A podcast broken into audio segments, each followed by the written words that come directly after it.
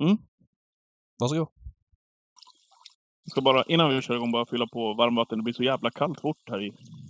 Jaha. Vänta. Varmvattenspodden. Du ligger alltså i ett bad och spelar in podd.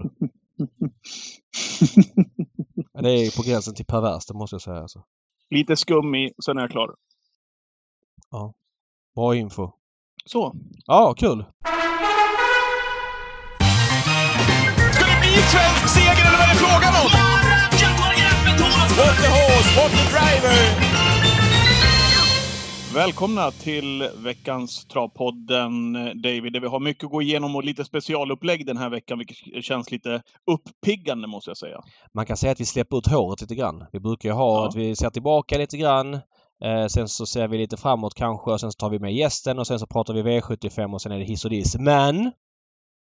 Idag, Idag har så... vi med veckans gäst ifrån, från start helt enkelt. Mm, vi kände för jag det idag. att skulle få vara med, ja, men med tanke på att han har sina egna vinklar, tankar, idéer, säkert om mycket det vi pratar om, men framförallt veckans innehåll här då, med god koll på ja, men dels det som har skett, men också det som kommer att ske kan man väl säga. Och gjorde ett eh, härligt utspel här, eller utspel ska jag inte säga, men tyckte till här runt frågan om det mediala runt våra största travstjärnor som jag tyckte kändes Men det är väl, upp, det är väl uppiggande? Det också. tycker jag absolut.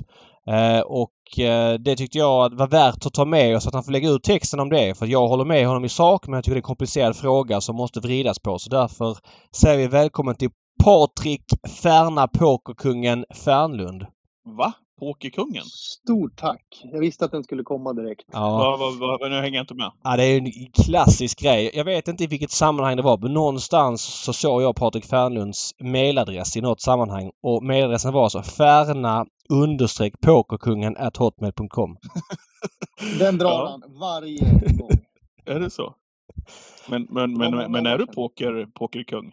Nej, man var ju, det var ju den när det var den där boomen när alla spelade poker när man gick på gymnasiet. Men det har inte blivit många händer de sista fem åren, det kan jag inte säga. Men det kan vara kul ibland med lite kompisar eller på kasinot. Det ska jag inte sticka under stol med. Men nej, nej, usel är man också. Men, men lite kul ändå att du kände där och då att det kanske är pokerproffs jag ska bli. För det känner nog alla under pokerboomen där i mitten på 00-talet. Eh, men jag kan tänka mig att du hade vunnit något home game där bland dina polare. Då kände du att ah, men fan, jag kanske är något extra. För det tror jag alla gjorde som har vunnit på ett home game. Liksom, att han kanske har talang för det här. Jag, jag gick faktiskt i klass med en kille som sa jag ska bli pokerproffs. Alla skrattade åt honom. Nu har han spelat in mellan 25 och 30 miljoner så det, det är imponerande. Ja, verkligen. Just på poker. Mm. Eh, är allt bra med dig? Ja, mycket. Mycket bra. Hur eh, ser tillvaron ut? Du har ju... Det är få inom travet som har sina fingrar i så många syltburkar som du har. Ja, det kanske är så. Nej, men jag, eh, alltså mitt, mitt huvudjobb det är ju att jag eh, mestadels är reporter på kanal 75 med, med allt vad det innebär och gör deras sändningar. Det är liksom, det är mitt leverne. Eh, sen Mm. har jag valt att trappa ner lite med eh, hästarna. Jag är inte alls lika superinvolverad i Jasmins rörelse som jag var förut. Varför inte då? Nej, så det var ju mycket det med att vi hade, jag tyckte det var lite för mycket. Jag satte mycket press på mig själv och man släppte aldrig saker och man ältade om de hade skador och man funderade väldigt mycket. Så nu är jag med och kör och jag hjälper henne och med alla frågor hon har. Jag kör lite hästar hit och dit och jag är liksom lite ett, en bricka i spelet men det är hennes, det är hennes rörelse mycket mer nu än vad det var förut. Då körde vi alltihop men nu hjälper jag mest bara till att köra och så. Okej, så du, du tycker att det blev lite för stor mental press helt enkelt att hålla på och att vara aktiv? För det var ju ändå ett ganska storsatsande stall och allt med vad det innebar.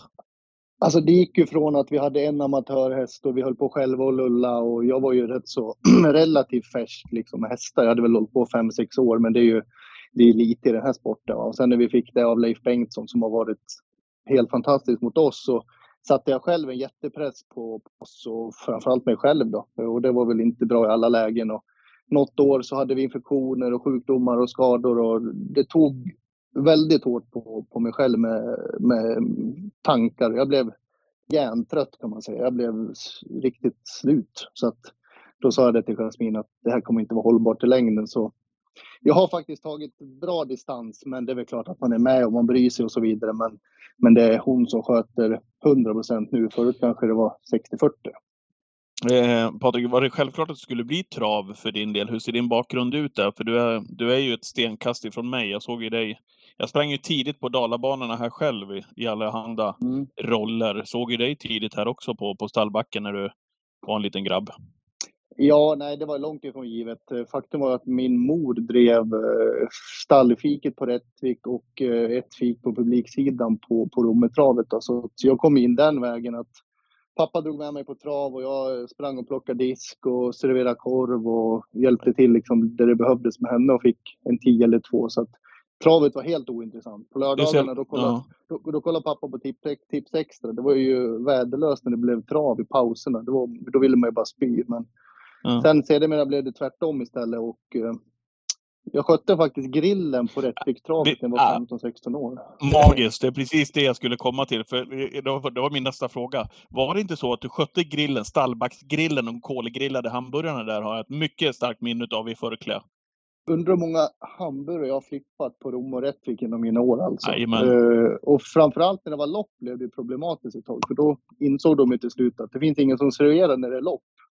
För då var det Ja. att kolla på tävlingen och så var det en bränd burgare eller två. Och de- Dels blev de brända och dels så var det ingen som fick burgare under loppen. Så det var ju på den tiden när vi hade rätt så mycket folk på trav. Det var ju Mm. ja, det var en otroligt lärorik tid med, med att ta människor, få ta ansvar för första gången i sitt liv. Jag tror att jag har fått med mig mycket därifrån. faktiskt. Men, Ja, men, det, men när du säger det här, eh, jag var ju inte på Romme och Rättvik då, Mm. men det är också en grej i det här med publikkrisen vi upplevde inom travet.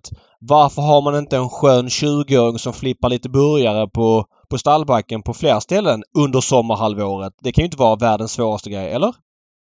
Nej, det finns så mycket. Alltså, hade det varit om... Alltså just nu känns det inte så inspirerande, men jag hade gärna tagit något jobb liksom på... Typ som Patrik har kanske, fast på, på travet på något sätt. Inte nu, jag trivs alldeles så bra med min tillvaro, men i framtiden. Jag tror att det går att få en skön stämning. Sen kommer det inte gå att få tillbaks publik i den mängden, men att få det trivsamt på en travbana tror inte jag är så jättesvårt som det känns just nu att många tycker. Håller med till Mm. 100 procent. Håller med. Mm. Och jag känner också lite grann att man skulle... Alltså det är nästan så jag kan bli provocerad av mig själv hur jag känner att... Men hur svårt kan det vara? Ni får ursäkta, men så känner jag ibland. Alltså, jag, jag, man, man, om jag går in på en travbana då kan jag bocka av fem grejer som jag, jag bara känner att varför gör man inte så här enkla grejer som inte kostar pengar? Och det för ju i så fall nästa tanke som är, ja men det här borde jag testa på och ta hand om någon gång. Så känner jag också lite grann ibland. Mm. Så tänker jag också. Mm. Mm. Ja, men det, är, Ja, det, det ska säga att eh, det är för att vi är konsumenter själva tror jag att vi tjänar mycket på det. Det är ju såklart många inom ledande positioner inom travet också. Men jag vet inte om alla brinner för det på samma sätt. För att jag brinner för att ta med folk på trav och att de ska ha kul. Och det har ofta folk när det är stora ordentliga dagar. Men det finns ju färre och färre dagar varje år man kan ta med folk på där man känner att det här är vad jag håller på med travet liksom. Så här kul kan man ha det. Eh, Det hade, går jag liksom. drivit en, hade jag drivit en travbana med marknad, då hade jag, då hade jag pekat ut varje år 10-15 event, allt ifrån en V64 fredag kväll till V75 där man har sagt de här dagarna ska vi satsa på, vi ska göra något extra och så ska vi försöka få folk att trivas. Liksom. Sen får Mm. de här luncherna och det här, det sköter sig själv så. Breddlopp och så vidare på kvällarna, då kommer ju de närmast sörjande. Mm. Men en, man måste ha någon slags målsättning med det man gör och inte bara att man ska överleva tävlingsdagarna Nej. som de är. Och där vill jag flika in och säga, jag håller med dig eh, väldigt mycket om att man highpointar ett x antal dagar där man liksom verkligen går all in. Men sen tycker jag också att Kanske inte lunchtrav men, men vardagskvällar. Det måste finnas en lägsta nivå Så att du kommer till travet. Du ska alltid kunna komma dit, alltid kunna få plats på restaurangen om den inte är full. Jag vet att det är svårt med drop-in och sådär men man har kunnat ta drop-in i alla tider. Det är det först nu sista året man slutar med drop-in för nu ska allting förbokas och förbetalas.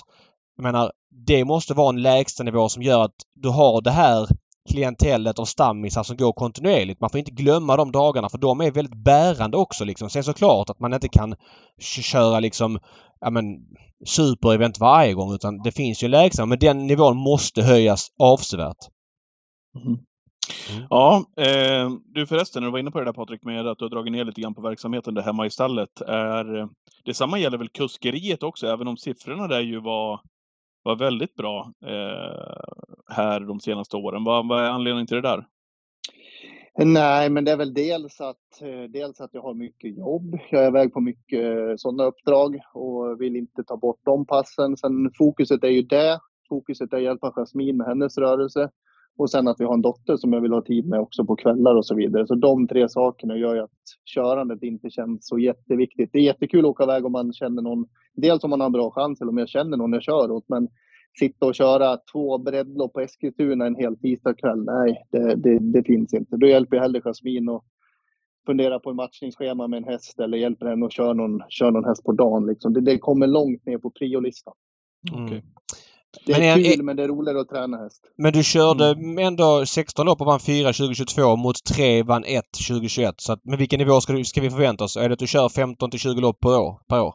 Ja, något sånt kanske. Alltså jag, jag, jag kör ju framförallt åt när Jasmin har en amatörlopp eller någon ska smyga mig invändigt och sitta fast eller, eller något liknande. Sen hade jag ju turen förra året. Jag fick vinna med Ferox Brick upp till bevisloppet och så fick jag ju vinna amatör-SM med, med Gordini Brick. Så att det var ju två hästar som Jasmin hade i bra ordning. Så att det var ju en enorm, enormt härligt år i fjol på få körda lopp. Men om det blir fem lopp eller 55 lopp, det, det, det, det får liksom visa sig. Men, men jag har inget mål att satsa på. Jag är för dålig också. Alltså, Ja, det tycker Att inte jag att du är. Jag, jag kan Nej, men det säga är väl inte i objektivt. den konkurrensen du är i. nej, exakt. Nej, det är jag inte. Men, men om, om, om någon skulle säga så här, ska du inte satsa och bli kusk? Alltså det, det, det är så långt steg att liksom ens kunna utmana ljus eh, och Jo, jo, det förstår jag, det förstår jag. eh, Alla de här liksom toppkuskarna vi har, Björn Goop och Jeppsson och de här. Men jag kör när det passar om någon vill ha mig. Och jag sätter upp en tillgänglig ibland. Det kan vara kul att vara med i den här Solvalla-serien och sådär liksom. Men,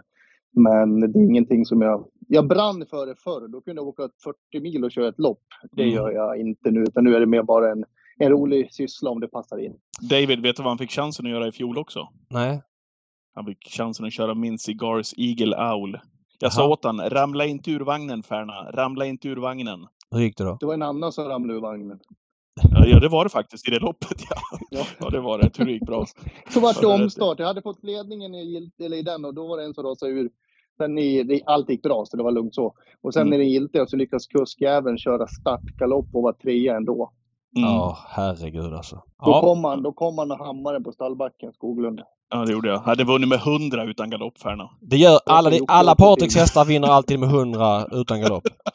Ehm, Jag ska, såg ingenting på tre dagar efteråt, för det var så jävla skitigt, men det var en kul upplevelse. Ja. roligt. ska vi backa bandet lite grann som vi brukar göra i podden? Ska vi plocka hem V75 Kalmar i lördags? Ehm, Mm. Det var ju, alltså jag måste, V75 känns som att det är inne i en väldigt bra trend vill jag säga. Det var 4,3 miljoner eller 4,4 miljoner nästan på 7 rätt.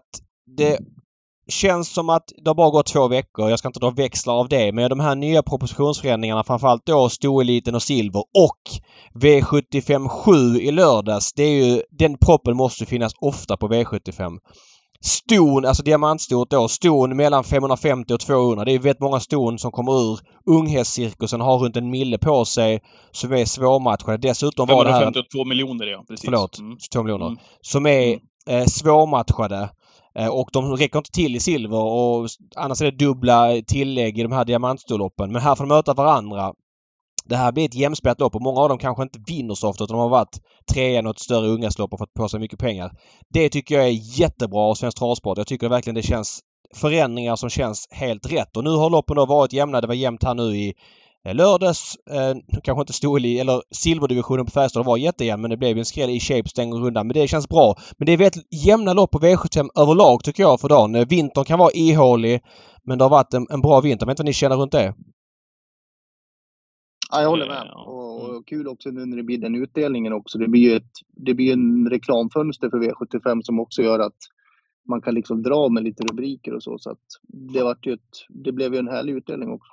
Mm. Roligt också att förra veckans gäst Ola Samuelsson då ramade in Ja, V75. just det. Lucifer Sam som var första avdelningen och så då Heroindarling som var V75 sista avdelning. Den, det loppet som du nyss vidrörde gällande, gällande propositionen där. Var det någonting eh, prestationsmässigt ni, ni fastnade för i den där omgången? Kan- Lucifer Stam, Marabou Brodda, Ultion Face, Precious Lane, Bottnas Idol, Call Me Brodda.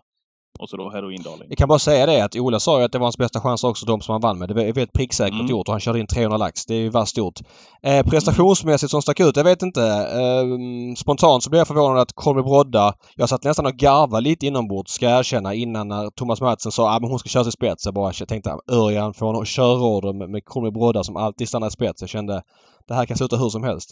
Men det var ingen som var intresserad av någonting. 10 första 5, 14 på varvet och bara, bara gled undan. Fick man sitta där med dumstruten på efteråt. Det var väl det som stack ut för min del tycker jag faktiskt. Mm.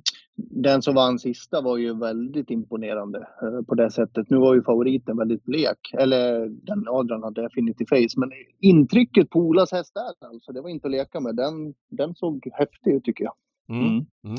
Däremot hade ju Adrian Ultion Face i, i väldigt bra skick tycker jag. Eh, såg ju väldigt, ja, väldigt bra ut sista 300 när Adrian släppte av. Det mest anmärkningsvärda med det där loppet, du och jag Patrik, vi var ju samtidigt som gulddivisionen gick där så satt väl du och jag och tittade på Leksands IF mot Davids lag, MIF Redhawks, så jag kollade på det där i efterhand. Och det mest anmärkningsvärda, ja, det mest anmärkningsvärda var väl ändå att Örjan Kihlström satt kvar. Som satt några snäpp före Giuseppe Lubrano när han skickade Pacific Face och han satt kvar med Etos Kronos. Eh, när Ingo då hade ledningen. Eh, det kändes lite småsömnigt måste jag säga. Ja, han kanske var rädd att få svar, men han borde väl ha, eller han hade ju fått övertaget nu också med facit i hand. Sen, sen är ju inte Etos den Etos det var tyvärr. Alltså Nej, han, tyvärr. han är ju inte alls nära den formen han hade, men tufft också att komma tillbaka efter sådana problem. Mm. Men, men, om vi backar bandet till loppet där då. Kristoffer eh, Eriksson i spets, han hade ju deklarerat passivt upplägg. Jag fick för känslan av att Örjan när han sitter upp bakom en sån här häst, han har inte kört honom på tag. Han vet att han har fått dödens flera starter i rad nu som comebacken. Örjan är inte killen som vill ge han en liknande upplevelse utan Örjan är killen som vill ge han kontrasten kanske. Att okej, okay, jag ska testa att köra honom bakifrån och se om det kanske blir lite bättre. Eh, och därför kanske mm. inte vara lika hungrig på spets i det här fallet. Kanske. Eh, men, men det är klart att han har fått överta och kanske vunnit. Men vad säger vi om Etos då? Nu är han sju år. Han har fått ett par lopp i kroppen. Jag brukar jämföra, jag jämför med Dominic Thiem i tennisvärlden. En superspelare för något år sedan, haft en lång skada. Jag tycker att start, ja. startsträckan har varit ganska lång nu. Han har fått, vad är det, fyra lopp på sig. Jag märker inte någon större förbättring. Samma sak med Dominic Thiem i tennisen. Han har faktiskt fått ett halvår på sig och det... Ah, förbättringen är skral. Eh, är det över för Etos? Nu hade ju Dominic Thiem lite känningar i och för sig här i sin match, jo, men det säkert. kanske Aetos Kronos också hade. Eh, nej, men jag var inne på det någon gång att han kommer bli bättre och bättre eh, för varje lopp han får.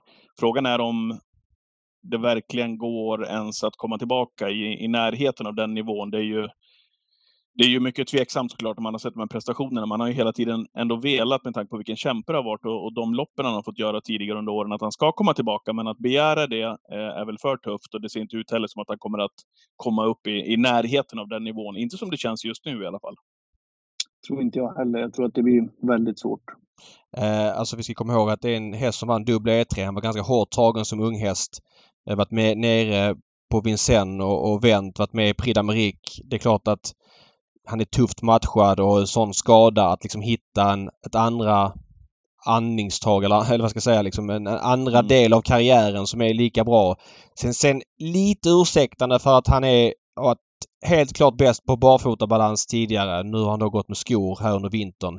Men, men, men hoppet är för stort. Han ska ändå hålla bättre och vara bättre med skor även om vi kanske inte kan begära att han ska vara det. Men nu blir det nästan så här. Vem vill betäcka Maetos Kronos snart? Jo, det är klart att det finns folk som gör det och minns hur bra han var som tre, fyra, femåring. Men jag menar, det blir ju snart en grej där man, man ska välja Hinks att det påverkar att man snart kanske minnet av honom som fantastisk unge suddas ut lite grann och det blir de här halvdana prestationerna. Det är rätt hög insats att fortsätta tävla med honom om man inte levererar.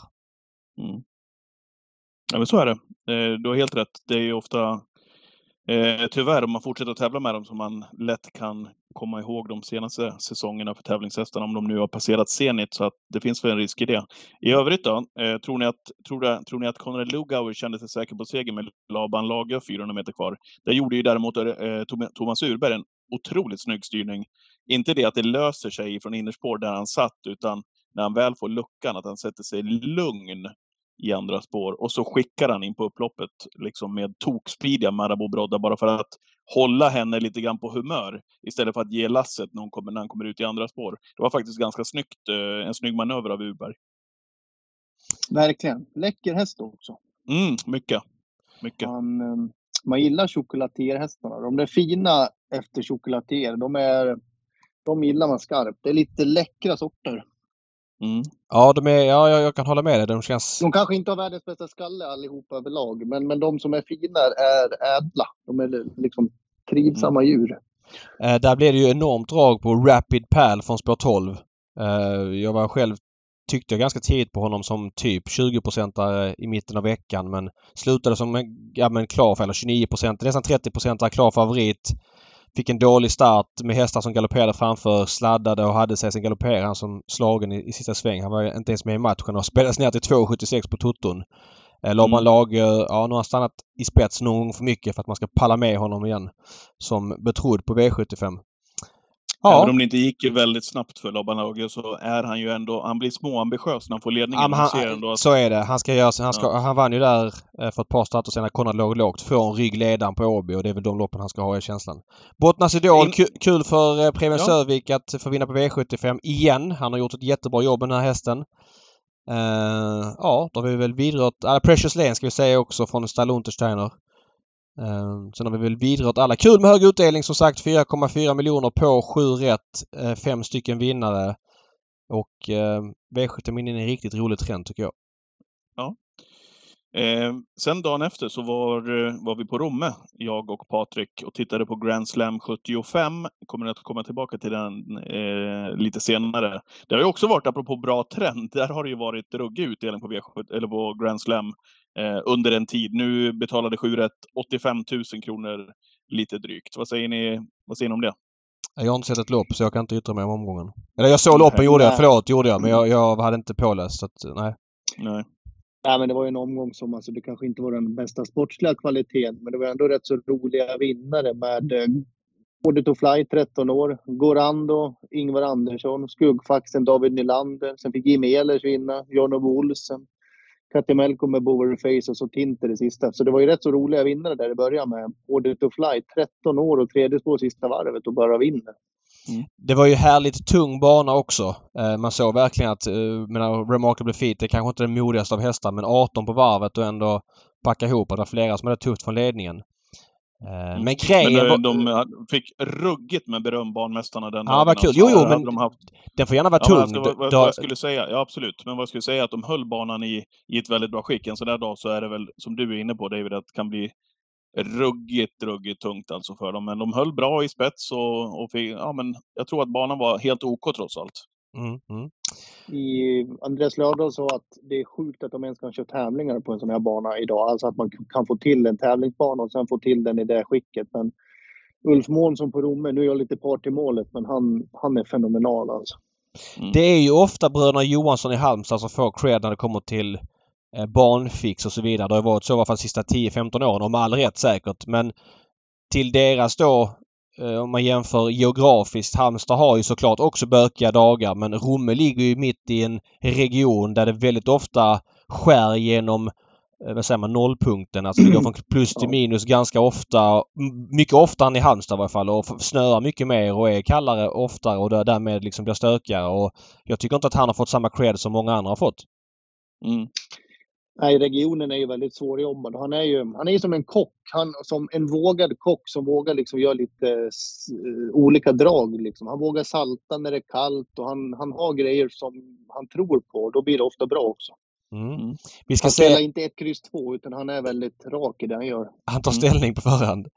Ja. Mm. Vi ska säga det Patrik eh, som på spel och lekkontoret gjorde ett system där du satt i din holk på Rommetravet och refererade i söndags. Mycket snyggt! Klockrent! Tack. 117, Spikade 117 vad sa lax inspelat på vad kostade det? 3 500? 117 000 in ja. Ja Mm. precis. Spikade Order to Fly i första avdelningen och spikade Skuggfaxen i, i tredje. Eh, Däremot så var jag, jag var farligt ute när jag inte hade sträckat eh, Fernlunds och, och Jasmins eh, krusidull på fyra hästar som var tvåa bakom Ängsbrage. Så där, där höll jag på att flyga på Fernlunds och Jasmins krusidull eh, faktiskt. Men, men överlevde där som tur var. Alltså. Och det var kul för de som var med och spelade på, på spelrekontoret. Han var Mm. snyggt. Mycket Mm. snyggt! Mycket det har roligt. faktiskt varit en halvbra trend där sista veckan. Eh, nu var det inga stora pengar men på Romme var det dubbeljackpot i fredags. Jag hade två system, satte båda. Var 17 lax stycket. Och coach Sten har varit het också så att... Eh, ja nu var det väl kanske ingen succé för oss i lördags men... Eh, är ruskigt snyggt där i söndags. Vi är på gång Mm. som man säger. Ja, verkligen. Eh, så är det. Vi, st- vi står ju över onsdagens V86 men är tillbaka nu på, på lördag när det är V75 ifrån eh, Östersund på spelledarkontoret. Det finns ju andelar eh, på spelledarkontoret, men du och jag tar Ja, ja, några vi, dagars exakt. semester. Jag är, jag är i Lissabon faktiskt ska jag säga just nu as we speak. Mm. Så att, eh, Jag är i badet. ja, det är härligt. Mm. Så vi Jag är i sovrummet. Du... Ja. ja, det är bra. Eh, ja, men det var kul. Eh, förresten, kortis bara Patrik. Krusidull gick bra.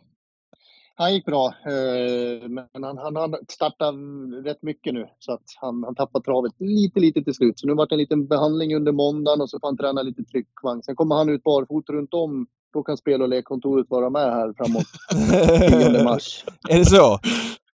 Ja, Han tog ju banrekord första gången han gick barfota i fjol med Örjan där uppe i Umeå. Då sprang hästen före Örjan. Örjan var smått chockad. Han höll på att vräka sig i galopp hela vägen och vann på 24. Jaha. Ja, det får med på. då är vi var med. bra. Krusidull! Mm. Inga, inga, inga flaggningar nu för då lackar Skoglund om det, folk Mm, flaggar det- och det kommer upp på så här toppen på tv-sändningen. Grand Slam Folk, folk, 75 får på för fan söndag. öppna ög- folk får för fan öppna ögonen själva och flagga. Du behöver inte berätta det för Flaggtopp. världen. Flaggtopp. Ja. Patrik hatar flaggtoppen. Han Jag menar på att flaggtoppen. ja, det är onödigt att upplysa andra i onödan om eh, det. Jag kan köpa att det finns en poäng i det. Fine att man flaggar och så vidare men att berätta vilka som är mest flaggade är ju att vissa som gör jobbet eh, gör jobbet åt andra men ja, det, det har vi snackat om.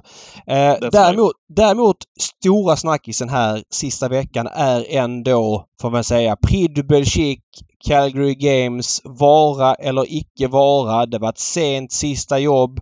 Man fattade beslut att anmäla hästen i torsdags. Timonur kör jobbet 11.00. 12.00 gick anmälningstiden ut i torsdags. Han var nöjd med jobbet 11.51 i nio minuter innan anmälningen stängdes. Så bekräftade han att han skulle vara med. Björn Goop var- blev uppsatt som kusk men dagen efter var det väl på fredagen eller var det på lördagen? Jag vet fredagen tror jag det var. Eh, Nej, det var lördagen. lördagen var det. Mm, Eh, mm, mm. sipprade det ut, eller då kom nyheten att hästen hade strukits. Han hade fått en halsinfektion eller var lite röd i halsen och man tar naturligtvis inga risker med Calgary Games. Men detta ska ju sättas i en kontext av att det är en häst som man siktade på eh, Ja men eh, en avsäsong med honom som femåring. Han... Eh, jag tror nog, eller jag är ganska säker på att Nurmos hade en plan på att vara med i jubileumspokalen. Körde ett par jobb, försökte höja nivån på honom fick väl inte honom riktigt dit han ville i kombination med att San Motör visade sig vara extremt bra under den perioden vilket gjorde att man avstod hela den cirkusen utan gjorde comeback i Gösta Nordins lopp här i december på Solvalla. Vann det enkelt, var bra då i kvalet några, en vecka innan eller vad det nu var. Men själva Frankrike-satsningen har ju varit en flopp med galoppen i Prix Tenor de Born och då eh, det här Belgi- Belgique-strykningen. Så det blir inget, inget eh, Prix d'Amérique för Calgary Games. Frågan är, får vi se dem starta igen? V vad har ni för take på det här? Vad säger du Fernlund? Nej, men först så var det jättetråkigt för team och uppfödare och skötare och allihopa runt hästen att det, att det blev ett sånt här fiasko som det blev nu då. Men, men det är ju hästar det handlar om och sen vad det nu beror på. Ja, det är ju att han var dålig i halsen då som de, som de säger. Men ja, jag tror inte han startar något mer om jag, om jag måste gissa på den punkten. Men jag, jag lider med dem runt hästen för de, de och hästen var värd ett bättre öde så. Varför tror du inte han startar något mer? Alltså, jag tror det är för mycket avelsvärde, det här vi har varit inne och gaggat om länge nu. Att värdet i hästarna som är så här bra och sen kan det gå ner som du pratade om, Aetos Kronos. Där. De har för mycket att förlora på att hålla på och matcha mot Elitloppet och inte ha någon garanti på att det går bra. Jag hoppas jag har fel, men jag tror inte han startar något mer. Mm. Ja, det här är en intressant fråga för vilket konto sätter man upp det här, det här på?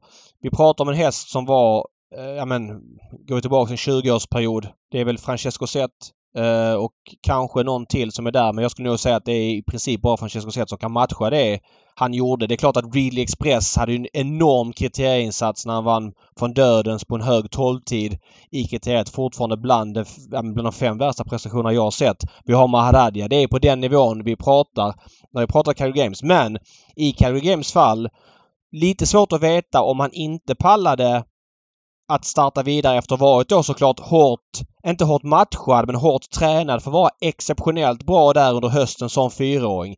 Är det det som har hänt kanske lite grann att hästen har fått en backslash, inte pallat liksom eh, betäcka under eh, ett halvår och sen börja träna? Det vet vi inte. Det finns inget som tyder på att det är så men vi har heller inte fått något svar på att okej, okay, Calgary Games kunde betäcka ett år sen bara kunde han fortsätta starta och vinna liksom. Det finns ju inget svar på det. Vad, vad säger du Skoglund om det? Var vill du sätta liksom det här debaclet? Ja, nej, men det är klart, man blir ju, spekulationen drar igång när det handlar om en, en häst som, som ni beskriver som berör så mycket. Vi har väl sällan, ja, sällan eh, skådat något liknande på en travbana. Det är klart att han berör väldigt mycket. Det är klart, när man hör att han har en halsinfektion Ja, alltså, det, kanske han, det, kan, det kanske han har. För jag var ju inne på spåret där när det det var ju många i alla fall som höjde röster efter galoppen där. Jag var ju en av de som ställde mig på den sidan att jag tyckte att det mer såg ut som en tillfällighet eh, och att han inte såg... Jag tyckte han såg skitfin ut eh, både innan och, och efter. Så att jag, jag, tror ju inte att det är någonting med det, men det är klart en halsinfektion, ja, är det det som spökar? Halsinfektion kanske vi, se, är... kanske vi får se honom igen. Men halsinfektion är också ofta någonting som man det överanvänds ju väldigt ofta när hästar presterar dåligt på travet. Har gjort så sista, alltså vad jag kan minnas liksom. Är någon dålig så är det en halsinfektion. Ja men han liksom, det är väldigt sällan travtränare säger att han är inte riktigt lika bra, han räcker inte. Utan halsinfektion är ju någonting man nästan överanvänder. Därför, mm. just den anledningen känns liksom som att det är så brett. Man kan skylla på så mycket ja, är halsinfektion. Precis. Och det går inte att sätta fingret på hur mycket det gör. Det är ungefär som en punktering i travlopp. Ja men en punktering ibland kan du vinna Elitloppet med som Expert Kaff gjorde. Och i nästa andetag så kan du inte ta dig framåt för du står helt still missförstå mig rätt, när jag, när jag hoppas då att det är en halsinfektion, att det inte är någonting annat. Att det, att det var något annat som spökade kanske redan vid den där galoppen. Nu tyckte inte jag att det såg ut så. Men, men eh, som, som Fernlund är inne på, för kretsen kring och hela den här biten och för alla oss som älskar trav så får man väl hoppas att det var en halsinfektion och att han kommer tillbaka. Men. Jag, är också, jag vill också poängtera att jag, jag är nog inne på Fernlunds linje, att vi har sett honom tävla färdigt tyvärr. Eh, för, måste säga det att, att inte allting var hundra eh, i samband med eh, Prix Nordebron-starten. Det har vi fått svart på vitt på. Eh, hästen blev mest troligt Hovum. Eh, men han var lite röd i halsen efteråt. Niklas Dimitriov berättat bland annat, jag tror det var Sulkesport, att han var nere två gånger på en vecka för att titta till hästen. Första gången var han röd och sen var han väl good to go som jag uppfattade det. var bra att köra med honom. Eh, men sen då kom tillbaka och tittade de efter det här jobbet och innan Prix de och tyckte att han var röd igen och därför strök man honom. Så att det har inte gått på, som på räls efter eh, Prix Nordebon och det bekräftas ju och det grövsta med att Timo Nurmo ska köra ett jobb en timme innan anmälning. Alltså det andas ju så mycket frågetecken så det finns inte. Varför? Alltså det är ju inte kopplat till halsinfektioner som dyker upp på lördagen. Utan det, det känns ju som att det är kopplat att du kört jobb med en häst. Om, det, om, om han är good to go att tränas men man ändå vill känna. Jag vet inte, för mig väcker allting mycket frågetecken. Det blir mycket spekulation också när man inte... Ja, Timo Nurmos är ju som han är eh, på gott och ont. Vi ska komma in på det strax. Eh, men det blir ju också att man sitter och gissar lite grann. Därför kanske det är som du säger nu Patrik Skoglund. Att mm. man litar kanske inte på att det är en... Alltså det finns ju anledning alltid att mörka för många inom travet. Det finns ju ett avelsvärde att försvara. Ja. ja, och det är ett problem. Om jag får ta en liten take på det vi pratar om nu där med eh, avelsvärdet och så vidare. Om du köper, om ni går och köper en Volvo från 2016 så finns det en innehållsförteckning i den. Vem som har ägt, hur många mil den har gått, du kan begära ut servicebok och om den har haft något fel. Det finns ingenting bland avelshingstar där du liksom svart på vitt måste lägga på bordet. Ja, okej. Okay. Men jag, jag, säger inte om den här hästen, men nej, vi säger bara, vi säger Mus Muscle Hill. Han har genomgått tre framknäsoperationer. Han hade tre halsfel. Men allt, alltså, det måste svart på vitt ligga på bordet. Man vet ju att sådana saker nedärvs. Vi har ju enorma problem på travhästarna i Sverige just nu med att om du böjer 100 hästar och 25 av dem är halta, då sitter 20 av de hälfterna i framknäna. Och det beror ju på att vi har avlat på hästar med dåliga framknän. Det är jag helt säker på. Och liksom att, då man kan, att man kan mörka sådana saker som är värt så mycket pengar utan att man inte har en innehållsdeklaration. Det, det, det förstår inte jag, att man inte liksom måste lägga upp på bordet. Nej. Eh, jag har pratat med en känd hästägare, behöver inte hänga ut någon i, i Sverige, som säger att uh, man ärver också, tyckte, menar han på, lösa benbitar och sådana saker. Och Jajamän. visst Jajamän. är det så att lösa benbitar står väl i veterinärbeskrivningen? Om man har haft Ja, det. Eller, eller kan, man, kan man ha opererat bort den som ettåring och sen så eh, sen så bör man inte uppge det liksom när hästen blir avelsgodkänd, eller hur funkar det? Nej, alltså har du haft en, eh, har du haft en benbitsoperation och du har haft hästen hemma själv och så vidare. I mitt, vad jag vet i alla fall så är det ingenting du behöver, Mm. behöver uttrycka då. Ja, men om en häst har haft fyra halsfel och du vill betäcka med den, du kanske drar det lite för att göra den, den beteckningen med den hingsten då, Mm. när du har ett fint sto. Men, men det finns liksom inget krav på att sånt ska fram. Det är Nej. det som jag tycker är lite kritiskt till. Då kan man mygla och då kan man hålla sanningar till, ja då kan man hålla osanningar helt enkelt. Mm. Men Men, då- men, men så vi håller isär, så vi Exakt. håller isär det där. Visst är det väl så att om man går i alla fall på en auktion och köper en häst, då ska ju de där, då ska det ju fram med, då ska det väl stå benbitar och om den är opererad och sådana saker. Ju- Just på, just på den individen, ja. Men inte, Ja. inte på avelshingsten. Nej, det finns okej. ingenting som säger att avelshingsten...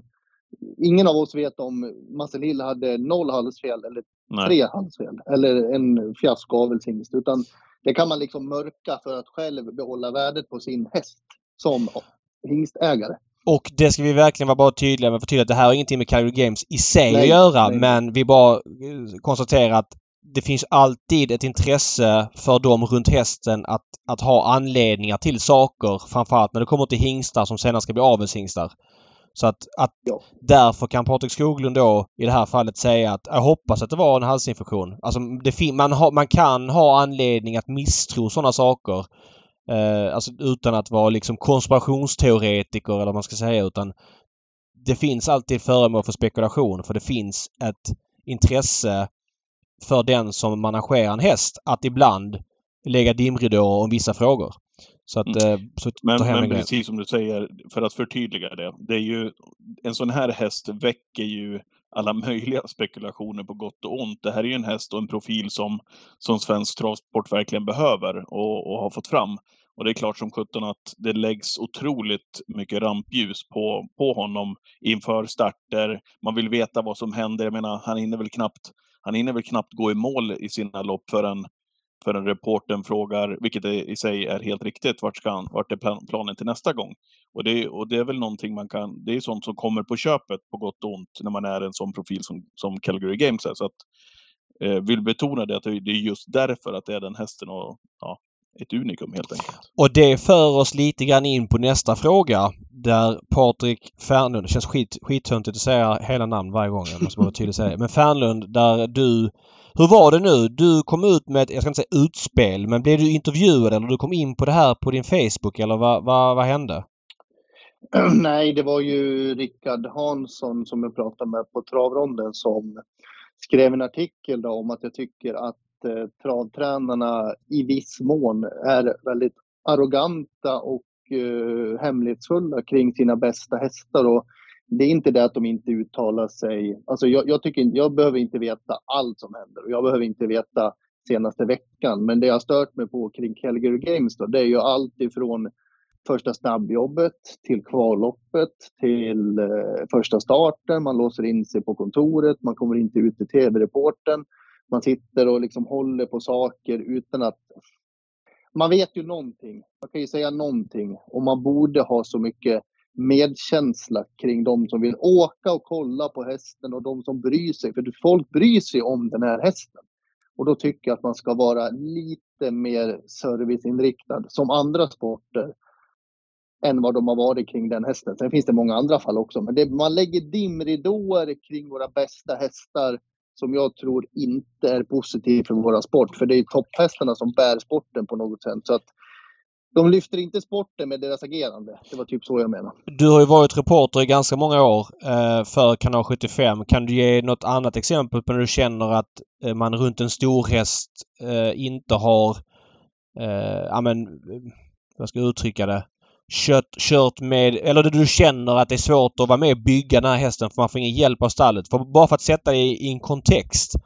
Alla människor är ju olika inom travet. Vi hade ju på 80-90-talet Stig Johansson som i princip, det är före min tid, det har jag fått berättat för mig. Det kan ju Skoglund kanske eh, fylla i på men gjorde någon standard att ja, men var kort och koncist intervjuer liksom. Mm. Eh, och det spred ju sig bland många aktiva och helt plötsligt var alla så.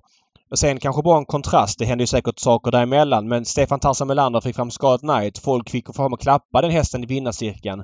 Eh, och det i sig blev en grej. Jag menar, alla människor är jätteolika. Timo Nurmos, jag har haft häst där. Eh, och jag har häst hos Timo Nurmos för jag tycker att han är en sjukt... Eller hade häst för att jag tycker att han är en jättevass travtränare. Det är kanske den travtränaren som varit bäst i Sverige de sista 15 åren. Det är väl den travtränaren som ligger närmast till hands eller har legat närmast till hands under den här perioden. Ja, det finns ju såklart Robert Berg lite till och från och Redén såklart sista 7-8 åren. Men för att få en storloppsseger och Såklart att det finns baksidor i att träna hårt och sådär. De som lyckas lyckas men det finns ju hästar på vägen som kanske inte når den potentialen de hade gjort om de hade fått flera år på sig. Men det är en risk man tar för att vinna de största loppen. Men Timo Nurmos är ingen, det kan jag säga sådär, kommunikatör av av rang som hästägare. I mitt fall var det så att jag upplevde att jag fick ingen, ingen vidare info överhuvudtaget utan nu kände inte jag Timo och, och hörde inte av mig så mycket. Jag hade hästen tillsammans med en kompis som kände Timo bra och jag upplevde att min kompis heller inte fick så mycket information därifrån. Så att jag vill sätta in det lite grann i facket. Jag vill ställa frågan till dig Fernlund att kanske är det så att folk är olika, att, att Nurmos inte är så kommunikativ, väljer att ligga lågt för att typ låta resultaten tala? Får jag bara, får jag bara flika in innan innan Fernlund Ja, ja. svarar. Eh, Jag tror att det är, jag hör vad du säger David. Sen tror jag att det är två olika saker. Dels det här hästägarkommunikation. Det är ju någonstans ett val du gör som hästägare. Eh, icke förvånande tror jag att det var för dig ändå eh, när du satte häst hos, hos Nurmos. Du trodde väl inte kanske att du skulle ha Alltså om du sätter hos en mindre tränare så tror jag också att du kan begära mer Ja transparens och mer information. Det är ju någonting du gör, eh, det val som hästägare. Det, Ja, ja. som, det som är det stora problemet är ju det som Fernlund är inne på. Att man inte gör, ja, men att man kanske inte hjälper till för att marknadsföra sporten på bästa sätt när man har en väldigt bra möjlighet att göra det. Eh, Det är väl två olika saker där. Ja kanske. Ja, så är det. Och, jag måste, alltså, punkt ett, jag har största respekt för att man är olika. Punkt två, jag har ju själv pratat om det här med press och då har Jasmin och jag haft vardagshästar i jämförelse med vad de här är. Alltså, man, sett, man har ju en press runt en bra häst. Det, det är jag den första att skriva under på. Men oavsett hur man är som människa och så vidare, när man har fått ut sin A-licens, då är man med i det här spelet där man någon gång måste säga någonting. Man behöver inte uttala sig varje dag, man behöver inte uttala sig varje vecka kanske, men man kan inte stoppa huvudet i sanden och tycka att media är jobbigt. Jag följer Leksands IF, som Patrik jobbar för, extremt noggrant. Den bevakningen vi har från Simor till exempel med intervjuer innan, intervjuer efter, intervjuer i pausen, presskonferenser, det är betyg på spelarna, vissa blir liksom dissade totalt. Vi är för tråkiga i den här sporten vad det gäller sådana här saker. Vi måste börja bjuda på oss själva när vi har den chansen. Annars så kommer sporten aldrig blomstra om inte Francesco Zet och de här blir folkkära. Ångtrack-piraten, han vart folkkär. Strömberg tog in folket i hemmet. Det var liksom, det var piraten på lördagarna vi tittade på. De här blir hästar där ingen vet någonting. De startar, de blir avelshingstar. Visst, de, de är värda hundratals miljoner. Men sporten trav växer inte av de här. nej och jag eh, håller med i sak. Jag blir lite djävulens advokat eh, när jag liksom vill vända och vrida på det. Jag kan tycka att det finns något, alltså så här. Om vi bara, om vi bara spolar tillbaks eh, bandet ett halvår. Vilken häst är mest omgärdad av mystik i Sverige? Jo, det är Calgary Games. Det är ju han som... Om han skulle komma till en bana så är han kanske den som skulle kunna dra mest folk där och då. Och sen... För, dels för att det var så länge sedan han startade. Det är väl mycket det också. Och dels för att man inte vet så mycket. Lite så kan Francesco Zet också hamna i om inte han startar nu på ett tag och man inte riktigt vet och så vidare. Det finns ju någon typ av mystik som finns där. Men man får ju inte ducka frågor. Alltså tycker jag. Jag tycker det är... Du har helt rätt där. Jag menar... Ja men dels var det mycket med snabbjobben där inför men där tror jag inte Timo visste själv. Jag tror att han provade sig fram helt enkelt och, och kanske inte fick det svaret när vi pratade inför jubileumspokalen. Eh, och sen så vet ju inte jag, du springer på backen varje tävlingsdag, eller inte varje men i en helt annan grej och då kanske du möts och slits mer eh, mellan det där än vad vi andra gör och kanske får då ja, men ett nej eller en tränare som låser in sig på ett kontor som gör att du inte kommer åt det och kanske upplever en annan frustration? Ja, eh, och så är det ju. Och jag vet ju hur mycket de här hästarna betyder för de som sitter och tittar på sändningarna. Och jag behöver inte veta Paul Viking, som han gjorde, Nils Enqvist, nu var han en fuskare då, men mm. alltså att veta hela matchningsplanen. Alltså jag behöver inte veta det. Men att bara säga hästen bestämmer, vi får mm. se. Sen kan ju allt hända med hästar, men man må, kan inte vara så rädd för att säga så här, okej, okay, vi siktar på Frankrike. Och sen vart det inte så. Det är ingen som hänger honom för det. Alla vet ju att det är hästar, det är levande djur, de kan skada sig, de kan bli sjuka, de kan bli allting. Men att ge någon ett strå till de som vill boka resor eller så vidare, det, kan, det måste vara med i A-tränarlicensen att man har en skyldighet att utveckla sporten framåt. Det kan ju, ja, precis, och det, det, där kan ju vara, det behöver inte heller vara eh, just de hästarna eh, varje gång heller som Fernlund är inne på. Om man nu drar paralleller till exempel med oss eh, som, som Patrik gör i SHL och, och, och eh, klubbarna, utan det kan ju vara att du vill som aktiv bjuda också de som kommer till exempel till banan. Eh, kan det vara också till exempel de som kommer till arenan. Vad har vi för upplägg? Ja, men det här kanske vi ska bjussa på till de här som är här idag. Det här kan vi gå ut och berätta i tv-sändningen i Simor eller för kanal 75. Det kan ju vara olika upplägg bara för att du ska eh, se till att bjussa på någonting extra. Eh, dels publiken, men också eh, de som sitter hemma i tv-soffan. Det måste man komma till i travsporten också. Eh, men låt mig ta ett annat kul exempel. Ehm, Don Fanucci Zet, en av Sveriges bästa hästar de sista två åren. Vann Elitloppet för eh, ett och ett halvt, två år sedan. Eh, och vann flera storlopp förra året. Eh, den hästen är ju en topphäst men eftersom han har startat betydligt ofta än Calgary Games så är han ju lite mindre mystisk. Man har sett honom lite mer, man vet lite mer vad han kan. Eh, han hade en lite sämre höst där runt Sundsvall Open Trot och SM. Vilket gjorde att man kanske inte, får jag säga att man kanske inte saknade honom på kort sikt. Att man tänkte att ah, men nu går han till vintervila så alltså kommer han tillbaks till Elitloppet. Jag gissar att Daniel Redén inte har fått en fråga eh, av media. Vad är status på Don Fanucci Zet? Utan i takt med att Francesco Zet snodde mycket uppmärksamhet så har han kunnat... Ja men... Eh, ja, för att SM var sista starten han gjorde. Det var oktober. Sen så är det ganska, ganska länge sen. Han har ju uppenbarligen då lite grann i det tysta känt någonting i Francesco. Eh, trappat upp träningen, gissar jag med tanke på att han kört barnjobb förra veckan med Hanni Meras som ändå det finns en Frankrike-satsning. Är, är det Francesco eller Don Fanucci du pratar Don Fanucci pratar om nu. Ja, du sa Francesco, tror jag. Nej, jag, jag, jag stängde in Francesco som, ett, som jag jämförde med, men det ber om ursäkt. Jag menar, sorry. Ja, jag menar sorry. Don Fanucci ja, i alla fall. Ja, jag fattar. Mm. ja. Och då blir det lite grann att okej, okay, här kanske Don Fanucci Zet dyker upp som ett eh, som en joker i Prix leken eh, och Daniel Redén, läser nu på Cykelsport, han har inte tagit beslut än utan det här är spekulationer för att han har, de har själv från Stalsets sida lagt upp bild på det här barnjobbet på Instagram.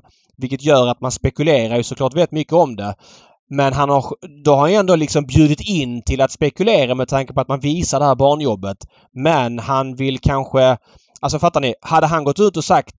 Ja men han blev intervjuad när eh, eh, Fesa Zet vinner på Solvalla i november. Så säger han Jo förresten, jag kommer eh, öka träningen här med Dan Fanucci Zet för att kanske satsa på Prix Då förstår man ju såklart att det är skönt för Daniel Redén att ja, men jag, jag, känner lite på det här så får jag se vad det blir. Jag behöver inte väcka den björnen som sover för då kommer det bli en massa tjat om det här och så vidare. Utan då kan jag lugn och ro. Nu har jag då väckt den här björnen för nu är ju Framförallt då eftersom Calgary Games försvann. Don Fanucci sett, ja men det största svenskhoppet som det känns nu en och en halv vecka före. Och nu ska då Redén ta beslut ganska snart huruvida det blir. Eh, att gå rakt ut i Prix utan lopp i kroppen. Det finns ju jättemycket frågetecken och utropstecken runt det.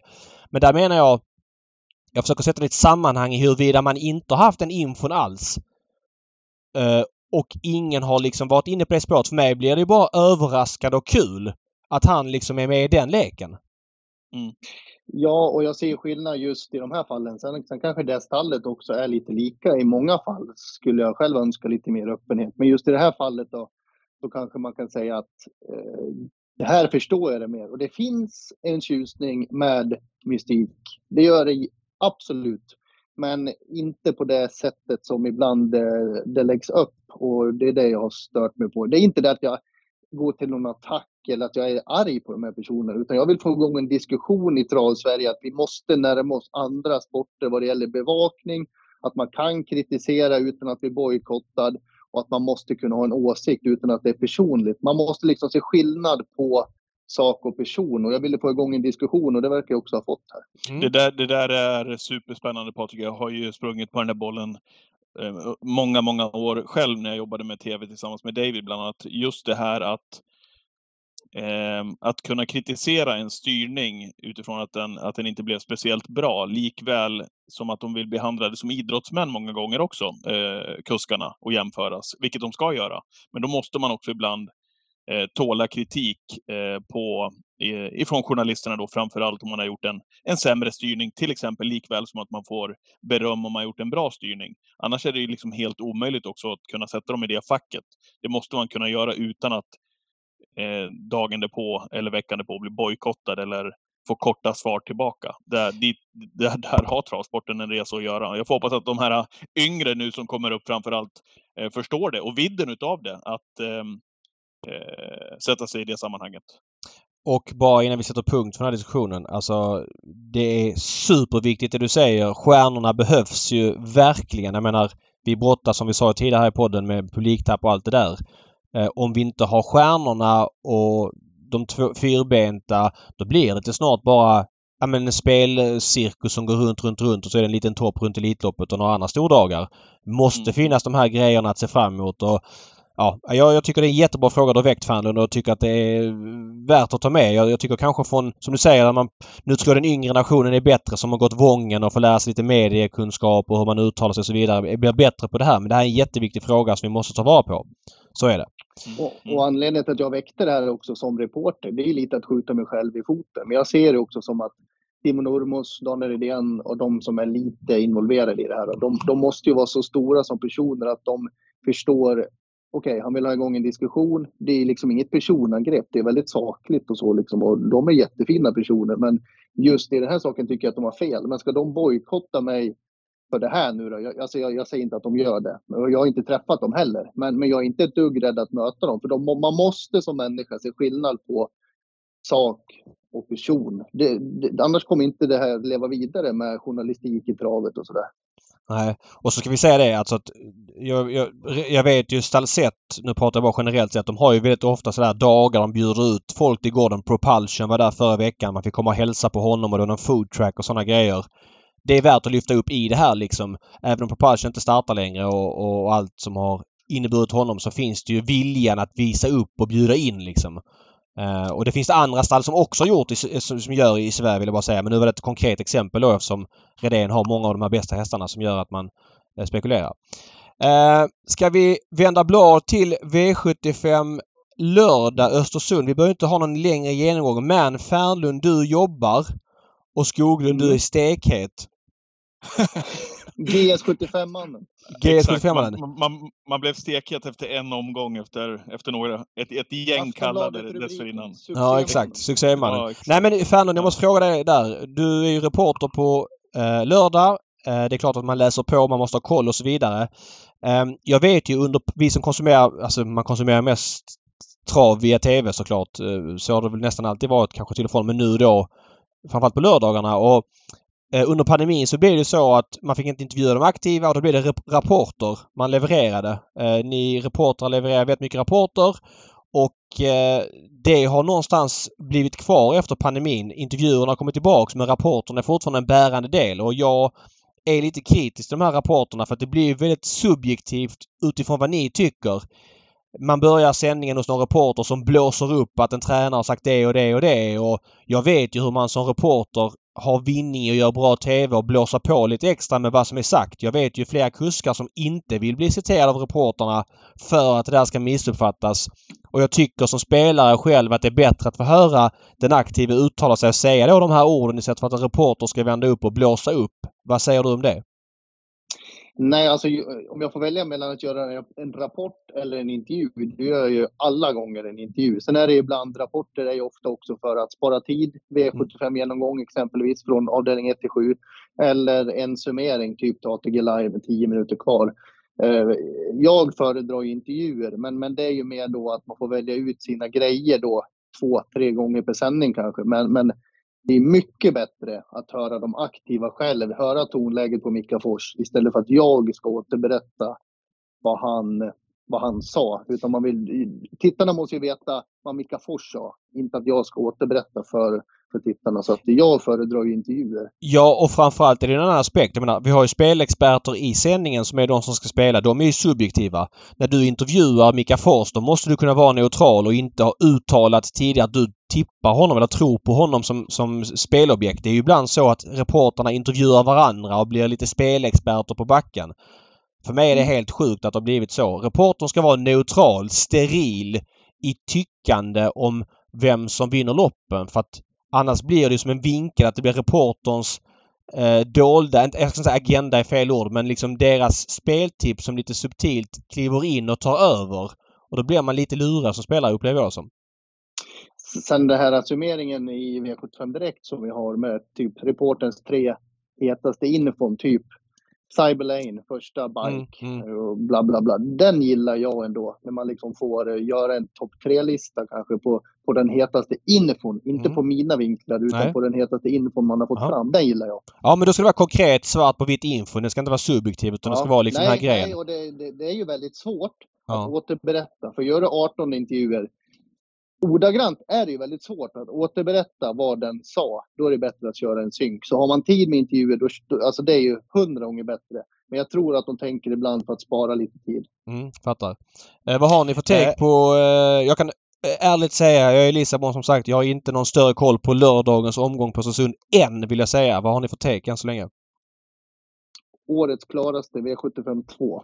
Nummer fyra. Shit chat. Så säger reportern. Hur ska du säga där i, i rapporten liksom? Då ska jag säga så här.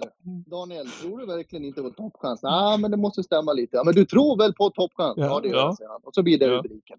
Nej då, skämt åsido. Jag pratade med Daniel innan Gävle senast.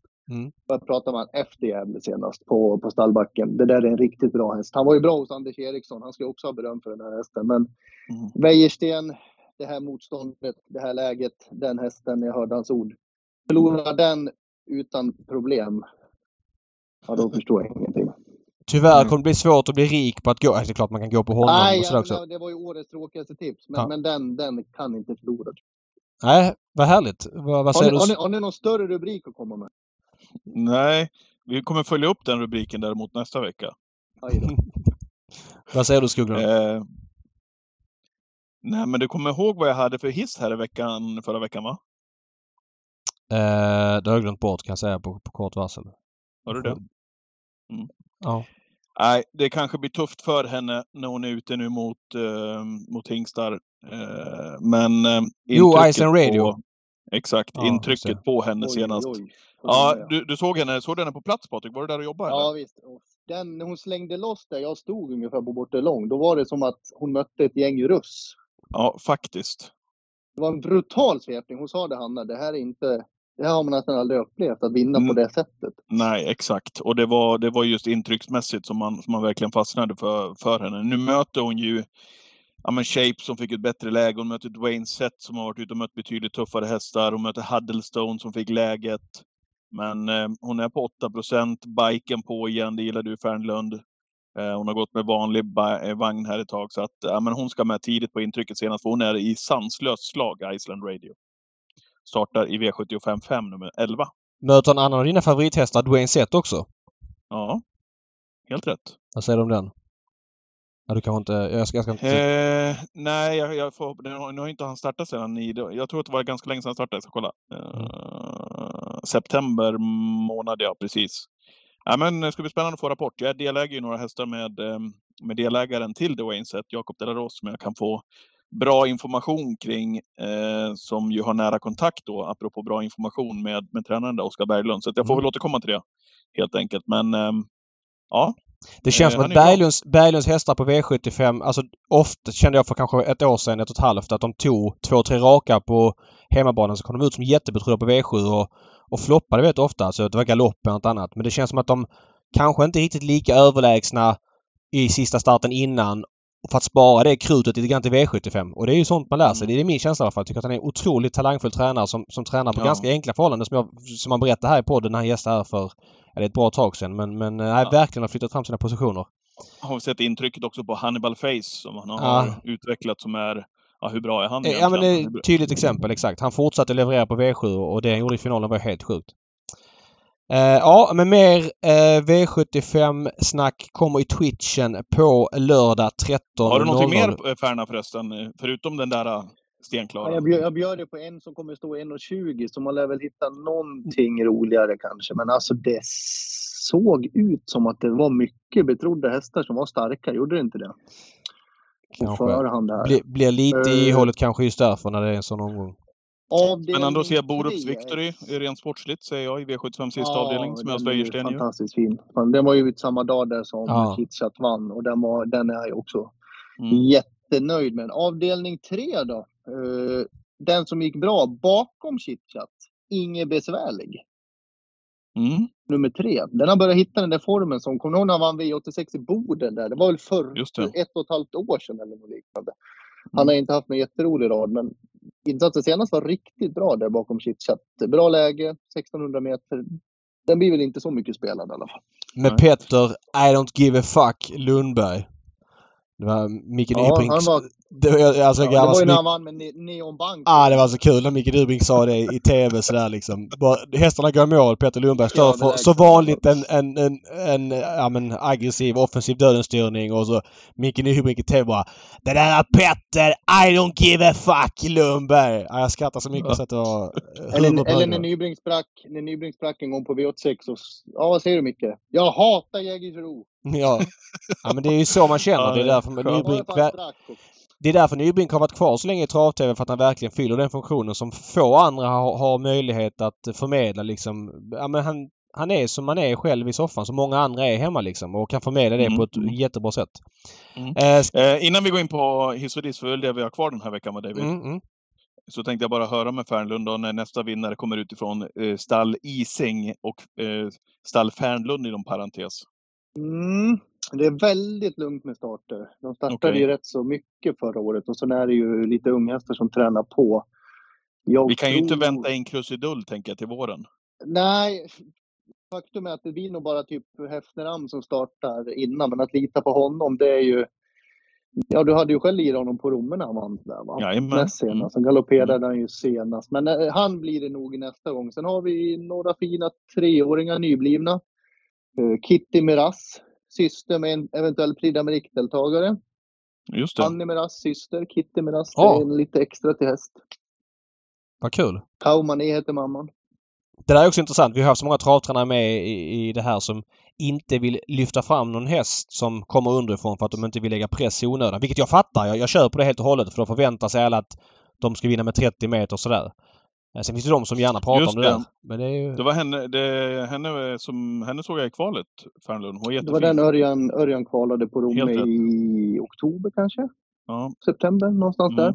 Ja, det är lite extra. Framförallt stammässigt är det ju enormt. Vem äger? Och uh, Jasmin Ising. Ja okej, ni äger själv. Vad kul. Leif Bengtsson ägde ju den och sen när han valde att sälja alla hästar så var han så vanligt väldigt rar mot Jasmin och även mig då. Och eh, ja, det kommer kosta det mycket pengar men investeringen i henne är nog bra med tanke på att det är ett sto. Hon, är, hon har den syskonskaran och hon har ett förmöresvärde och vi tror att det är en bra häst. Så att då skramlade vi ihop burkarna och så köpte vi henne, eller hon köpte henne. Ja, Mm. vad kul. Ja, kul. Facetime Bourbon på Ka- Kaumané. Håller med dig. Man måste satsa grabbar. Oh ja! Jo tack, där, där, är vi, där är vi i samma burk och gräver. Snart ska jag ta revansch med eh, Sigars Eagle O. Ja, du- du ska få en Ska chans till. segerchef hela loppet. En chans till. Jaha, eh, killar. Ska vi, ska vi runda av eller? Vad, Ja, vad- vi gör det. Vi gör det. Okej, då, då gör vi det med den här vignetten.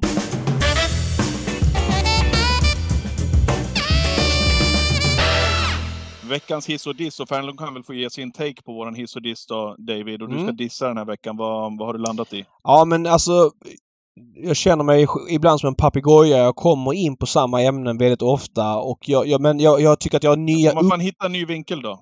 Jo men exakt, jag ska göra det. Jag försöker addera vinklar till det varje gång. Eh, och hur jag upplever saker. Vi var i lördags några vänner på en restaurang i Stockholm. Tänkte ja, men vi kollar travet och tar några bira och, och snackar lite skit liksom. Det där vanliga. Och, och vi sitter på restaurangen så man kan inte ha jättehögt ljud utan vi kör lite lägre ljud. Och det var ju otroligt uppenbart alltså eh, hur då kommer du garva nu här Patrik Skoglund. Men bildproduktionen i loppen alltså. Alltså den här jävla närbilden i sista sväng. Ja, ja, jag spyr på den. Alltså de zoomar in i sista sväng på Conny Brodda som exempelvis men, men, leder... Är, är, är inte, du får bara svälja i det där nu. Det, så, är, så är det ju. Ja, jag är bekymrad över det liksom. Är det så vi ska fortsätta konsumera? Det finns ingen förbättring i det. Det finns ingen liksom alls. Är det bara jag eller Skoglund du när du kollar trav? Känner inte du att du vill se hela fältet i sista svängen? De som kommer i tredje spår, hur mycket... Hur still sitter kusken? Vilka har dragit hussarna? Får de lucka tredje invändigt och så vidare? Nej, nej, då zoomar vi in på Örjan Kihlström som ligger raklång i spets med sin häst liksom. Jag, jag har väl hållit med dig varenda gång men jag ids ju inte tjata om det. Nej, nej, jag får ta den eh, förlaget. Men det var uppenbart att vi satt där i, i lördags i alla fall på restaurangen och man inte riktigt hörde referatet och så fick man liksom se den där närbilden och så fattar man ingenting om var man var i loppet. Nej, jag tycker vad, det är vad, så tråkigt och det gör mig så förbannad. Vad gillar Fernlund inzoomningar? Det kan vara kul att se hästar i när, på när, när, nära håll kanske. Nej, men det är väl klart man vill se man vill se hela fältet. Inzoomningar i rätt läge. Sen kanske det där inte var rätt läge då. Ja, men det är ju så att det, stå, det står i manualen att man ska se... Alltså det klipps till närbild i sista sväng. Det görs i alla travlopp som, som visas i Sverige.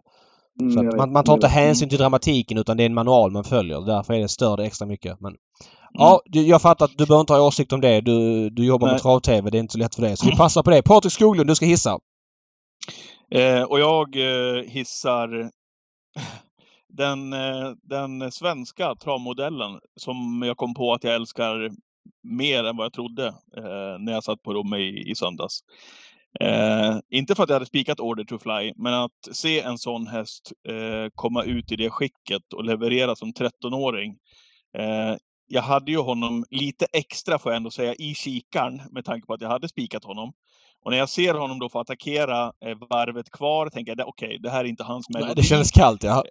det kändes svinkallt. Eh, nu kommer han få tugga där ute i tredje. Kanske Rickard kan få ut någon framför sig. Nej då. Han fick tugga på där. 300 kvar. Då ser det ut som att han är på väg att spotta ur bettet och vända hem på stallbacken. Då rycker Rickard Nils Skoglund ner norsken. Eh, och han hittar alltså tre växlar till. Och att han gör det som 13-åring, jag törs inte säga, jag vet inte hur många starter han har gjort ens. Men han har gjort sjukt många starter. Att han bara liksom växlar till och hittar nya krafter och tycker att det här är skitkul eh, och vinner det där loppet på sättet han gör det. Eh, får mig att liksom att tycka att fan vad häftigt det här är ändå med, med den svenska travsporten att vi kan ha hästar i det här skicket. Stor eloge till hela stall Per Lennartsson givetvis med skötare och hela den biten. Men det är, ja, men det är nästan så att man blir lite rörd faktiskt över en sån prestation kan jag tycka. Mot det vardagliga vi ser eh, i övrigt med alla andra fina prestationer och unghästar och allt det där. Så har ändå det här en jättecharm när Order to Fly går ut och vinner och han gör det på det sättet. Det är inte ryggledan och lucka 50 kvar som gör att han vinner utan han krigar på Måste kolla hur många starter han har gjort. Vad tycker ni om det? Ja men på tal om det. Jag vet inte hur många 13-åringar som vunnit lopp i Sverige. Jag vet att det har hänt. Eh, man höjde gränsen här för några år sedan för att, eh, ja, för fler startande hästar. Jag vet att någon har vunnit men det är inte många. Så att bara det var ju en kul grej. Mm. Ja, det, är, det är ju svensk travsport. Tycker jag. Alltså i det stora. Det, det är det här som är så viktigt. Då ser man ju att hästarna har det bra, de trivs och de tycker att det här är kul. Ja. Eh, det Han har väl hans... gjort nästan 200 lopp va? Tänkte, det var det jag tänkte dra till med också. Att han har väl gjort nästan 200 lopp. Ja, inte fullt så mycket då, men han, han har gjort 100, det här var hans 124 start. Um, och han ser ut som han gör. Det är ju... Ja, men det är häftigt att se. Uh, återigen då, stor, stor eloge till Stall Lennartsson som håller honom i det här skicket. Och det, det, det är klart, när han är 13 år, eh, David, men det finns ju många andra äldre hästar som ser otroligt fina ut och tycker att det här är skitkul med, med att tävla. Så att, Ja, Nej, det, när det funkar och det ser ut så här. Tveklöst. Vi hade ju åttaåriga Conny Brodda. Nu är inte åtta år lika gammalt men för stor så är det väl ja, lite äldre ja, i, som vann i lördags. I din då så är det ändå det. Åttaårigt sto, där, då är vi uppe på 13 år i Wallach nästan. Ja, lite så. Han är väl hingst också, Årets Fly va? Ja, till, till och med det. Ja men svinbra. Eh, tack så mycket Patrik Fernlund för att du gästade. Alltid eh, intressant att höra din take och lycka till på Östersund på lördag. Åker du dit i kortärmat?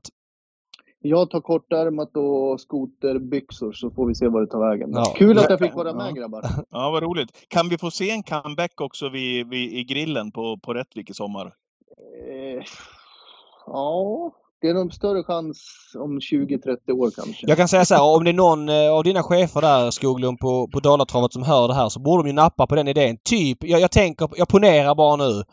Eh, midsommarhelgen på Rättvik där på lördag när det blir Crown. Och så på första sidan på programmet. Patrik Fernlund grillar burgare på publikplats. Ja, Alltså, där har vi det. där har du den liksom. Fan, Fanlunds fräsare. Mycket stark krydda.